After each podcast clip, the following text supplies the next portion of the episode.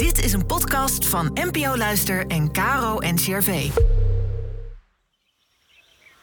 Welkom bij de Kloostercast. De podcast met antwoorden op alledaagse levensvragen vanuit de kloostertraditie. Inspiratie voor je dag.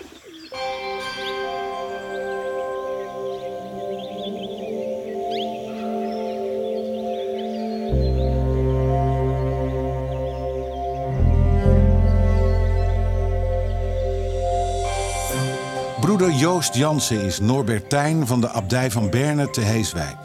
Deze kloosterorde leeft volgens de regel van Augustinus. Hij stelt zich de vraag hoe verbind je bezinning en actie.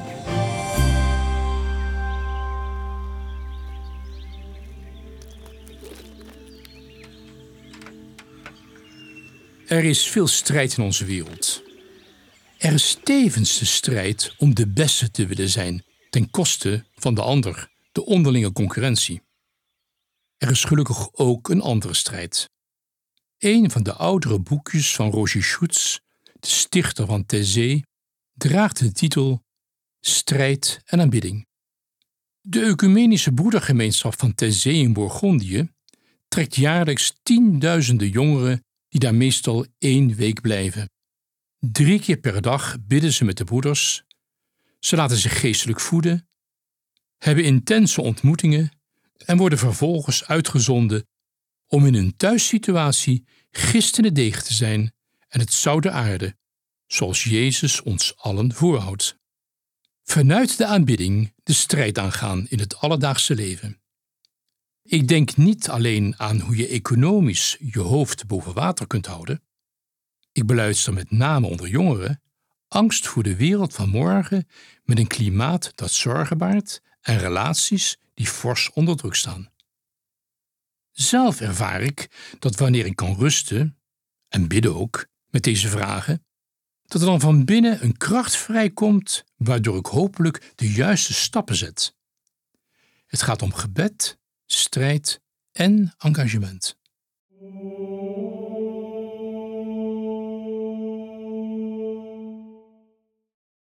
Gebed en engagement.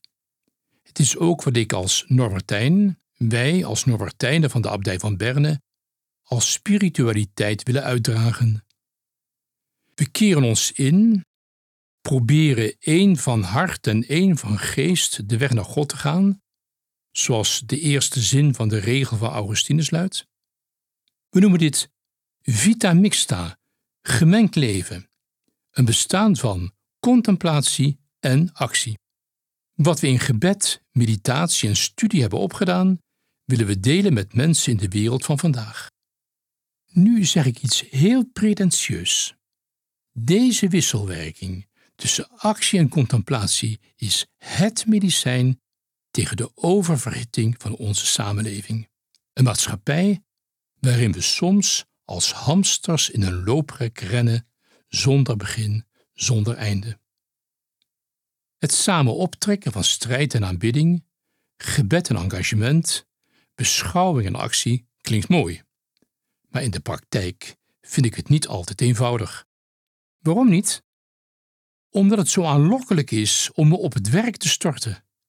Er is altijd wel een reden om weer een klus op te pakken en me daarin te geven en me erin te verliezen. Op zich is het mooi om in handen uit de mouwen te steken en voor mensen iets te kunnen betekenen. Maar als ik voorbij ren aan mijn hart, wat beteken ik dan voor hen?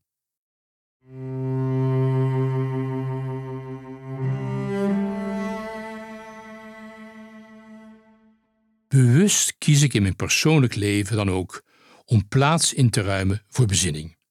Dat is een keuze. En zoals bij iedere keuze vraagt dit om trouw.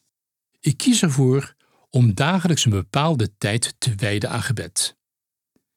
Ik kies ervoor om een plek te zoeken waar ik me voor de eeuwige kan plaatsen. Tijd en ruimte.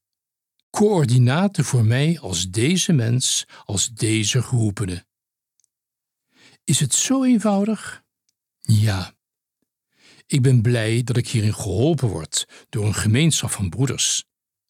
Het lijkt me in je eentje een veel grotere opgave. Werk, actie is altijd wel aanwezig.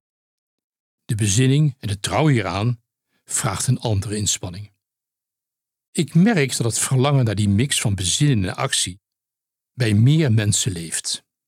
Vaak door schade en schande wijs geworden. Gelukkig ontdekt men hoe weldadig en herstellend het is om een vorm te vinden waarin dagelijks de ziel gevoed wordt. Even tijd en ruimte afbakenen en invullen met ontmoeting. Ontmoeting? Dan ben je toch weer met anderen bezig? Ik heb het nu over ontmoeting met je eigen innerlijk, waar je ook geopend wordt voor een ander met een hoofdletter, om die te ontmoeten. Noem het de eeuwige. Noem hem God. Gij eeuwige, gij God die ons rust en harmonie gunt, verlok me tot uw aanwezigheid. Richt gij mijn inzet. Amen.